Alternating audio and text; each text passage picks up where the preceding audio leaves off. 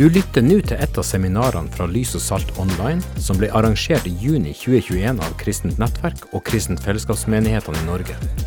Hovedtema for seminarene er Guds rike, det begrepet som Jesus bruker når han formidler sin visjon for verden vi lever i.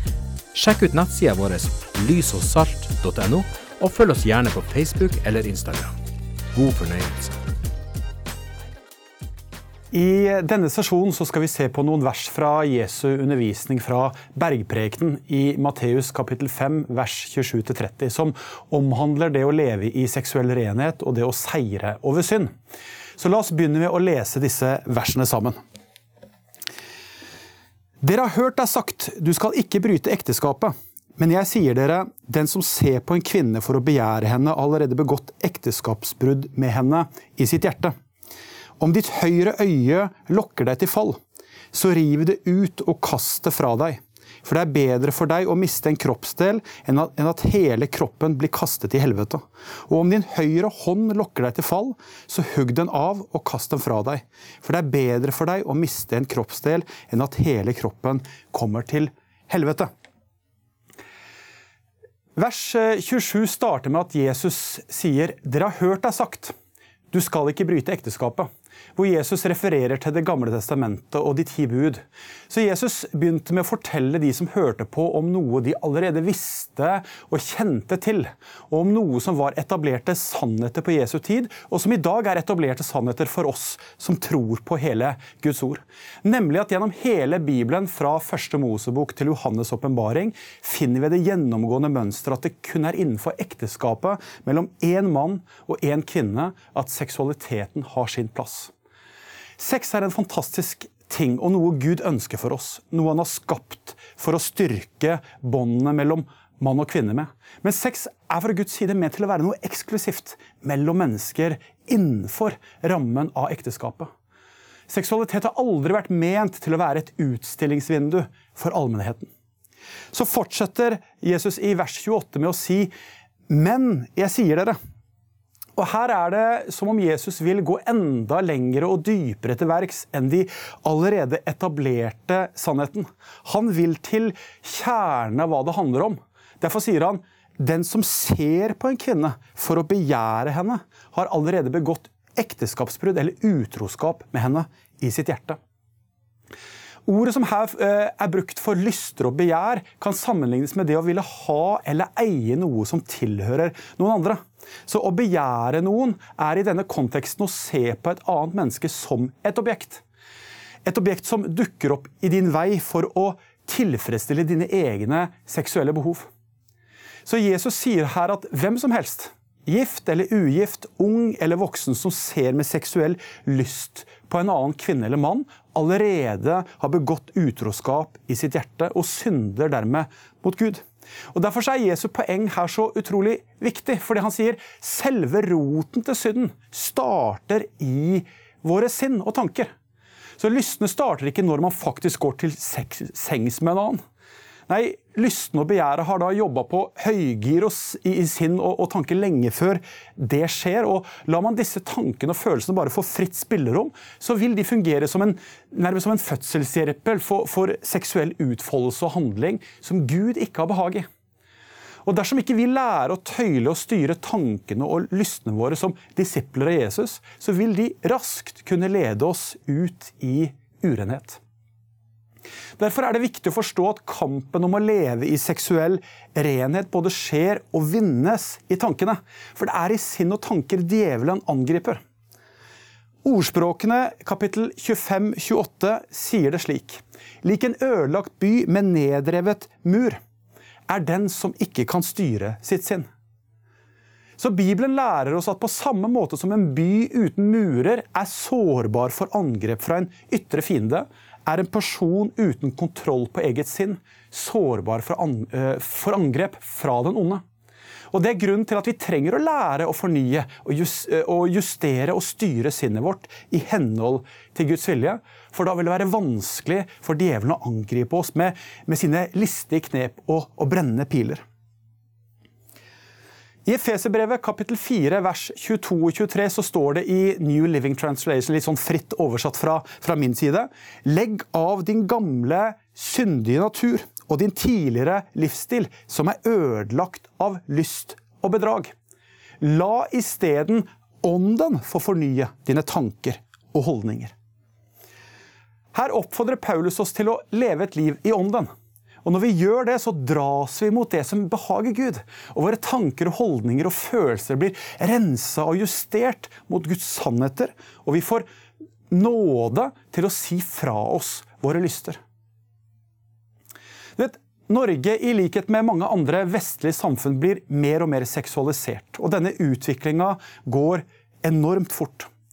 En ting vi alle møter på, ungdom som voksen, ugift som gift, er det enorme økende omfanget av tilgjengeligheten av erotikk og pornografi.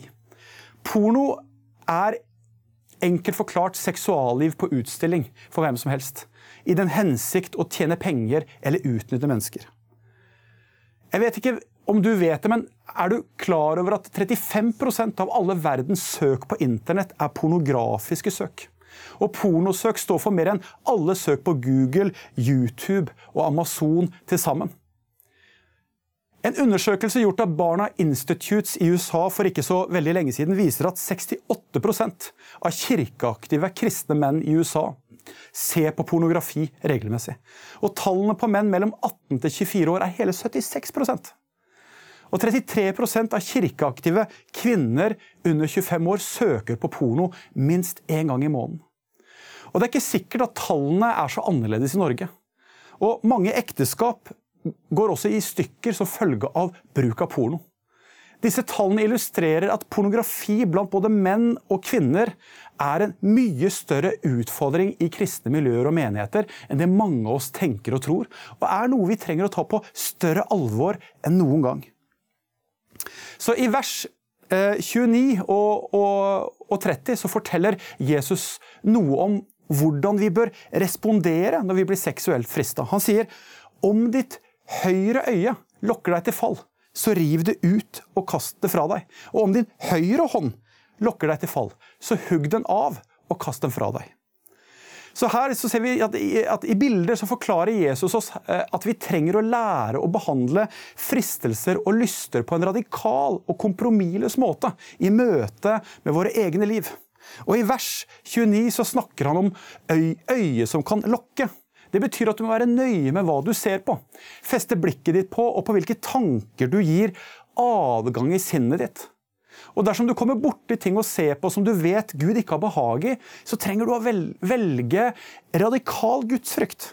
Ved å, å, å lukke fristelsens dør like fort som du åpna den. Du må rett og slett lære å ta kontroll over ditt eget sinn og si nei til dine egne lyster. Eksempler på dette kan være at du gjør en klar avtale med deg selv om å ikke søke opp nettaviser eller nettsteder, sosiale medier eller underholdning som du vet kan ha erotisk eller pornografisk innhold. Eller kanskje du velger å proaktivt beskytte deg selv ved å ha på filtre på PC-en din når det kommer til pornografiske nettsteder. I vers 30 så snakker Jesus om hånden som kan lokke til fall. Det betyr at dersom det er handlinger som lokker deg ut i fristelse, så trenger du å være radikal i møte med de lystne som kan lede til nettopp dette. Eksempler kan være at du sammen med kjæresten din velger å, å avstå fra situasjoner hvor dere lett blir frista. Det kan bety å gjøre klare avtaler for hvor grensene går for nærhet og intimitet. Eller å lage en avtale om at dere som kjærester aldri overnatter hos hverandre eller reiser på ferie alene før dere gifter dere. Eller hvis kjæresten din er pågående og blir frista til å si at han eller hun vil ligge med deg, for eksempel, så er det viktig å ha tatt beslutninger på forhånd for hvordan du vil respondere på det. Og det vil hjelpe deg til å si et tydelig nei hvis en slik situasjon skulle oppstå. Så om du er gift, i et forhold eller singel, så er det godt å vite at Den hellige ånd ønsker å hjelpe oss alle sammen til å leve et seirende liv over synd. Og Her eh, kommer noen bibelske sannheter som jeg håper og tror vil være med å inspirere deg til å leve i renhet som en Jesu etterfølger. Og Det første som jeg har lyst til å nevne på, er vær ydmyk. Vær ydmyk for Gud ved å gi Den hellige ånd adgang til alle rom i ditt hjerte. Og gi Han tillatelse til å stadig ransake ditt hjerte. Du skjønner, Dette hjerteklimaet formes og dannes bl.a. i fellesskap med Den hellige ånd i bønn.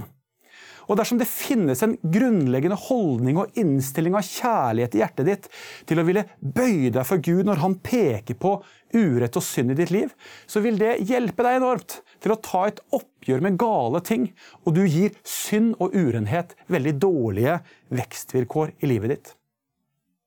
For en disippel av Jesus er det å ønske selvransakelsen velkommen, i stedet for å holde den på avstand, en forutsetning for å kunne leve et daglig liv i renhet.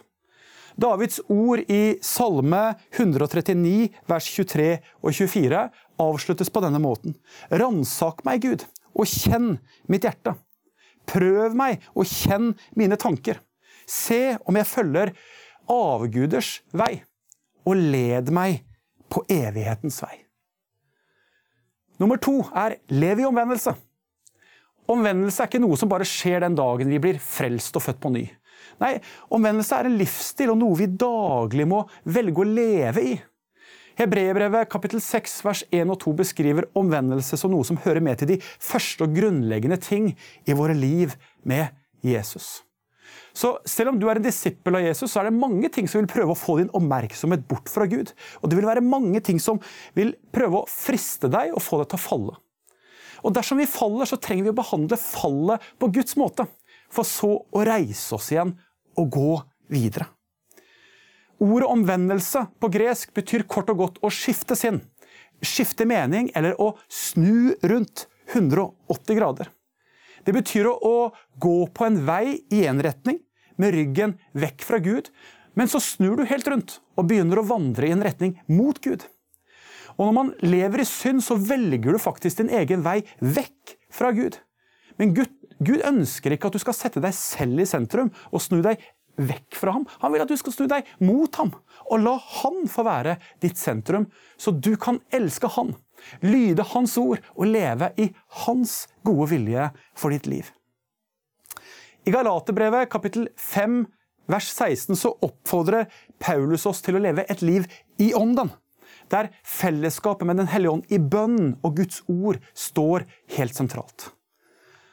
Å ha en, en, slik livsstil hvor Gud blir den som nærer hjertet ditt i bønn og Guds ord, vil hjelpe oss stort til å stadig deale med og seire i kampen mot synd. Det tredje som jeg har lyst til å nevne på, er erkjenn og bekjenn din synd. Du skjønner, Synden trives best i mørket. Og hvis vi lar den få holde på uforstyrra, så gir vi den gode vekstvilkår. Og det å skjule sin synd vil aldri gi oss makt til å overvinne den. For du skjønner, frihet koster mye umiddelbart, men kan ikke sammenlignes med den prisen fangenskapet koster over tid. Så svaret for oss som Jesu etterfølgere er å lære å leve ærlige liv framfor Gud. Ikke bortforklar eller motargumenter med Den hellige ånd når han overbeviser deg om synd og urenhet. Men ta ansvar for ditt eget liv, og erkjenn det du har gjort. Skjønner, Dette er starten på et liv i seier. Bekjenn deretter din synd, forson deg med Gud og gjør opp for uretten som er blitt begått. Det vil gi deg kraft til å legge ting bak deg og gå videre helt fri. Første Johannesbrev kapittel 1,9 sier det slik som dette. Men dersom vi bekjenner våre synder, så er Han trofast og rettferdig, så Han tilgir oss syndene og renser oss for all urett. Nummer fire, og det siste jeg har lyst til å si i denne sesjonen, er lev med lyset på, sammen med andre. Og i Efeserbrevet kapittel 5, vers 8 pluss 11 så sier Paulus en gang var dere i mørket, men nå, i Herren, er dere lys. Så lev da som lysets barn. Ta ikke del i mørkets gjerninger, for de bærer ingen frukt. Avslør dem heller. Så Guds ord kaller oss lysets barn, som er ment til å avsløre mørkets gjerninger. Men det er ikke alltid at det er like lett å avsløre eller ta et oppgjør med mørkets gjerninger på egen hånd. Ofte kan seksuelle lyster og, og f.eks. bruk av, av, pornografi ha satt så dype spor at det blir vanskelig å tro på at man kan finne en vei ut av problemet og utfordringen. Det er da det er viktig å si ikke gi opp, eller aksepter din situasjon når det kan virke håpløs, ikke la motløsheten styre deg, men velg å ta opp kampen. For du skjønner, I denne kampen er det en sånn nøkkel å tørre å gå til andre kristne søsken, som du kan leve åpent og ærlig med, som kan høre på deg, forstå at det du sliter med, er krevende, løfte perspektivene for deg og samtidig utfordre deg til å ta steg og oppgjør med synd i livet ditt, som kan lede deg til et rent og hellig liv, fri fra disse tinga. Jakobs brev eh, kapittel 5 vers 16 oppfordrer oss til å bekjenne syndene for hverandre og be for hverandre, så vi kan bli helbredet. Det er legedom og gjenreisning i det å leve i lyset. Det å be om tilgivelse og få tilgivelse.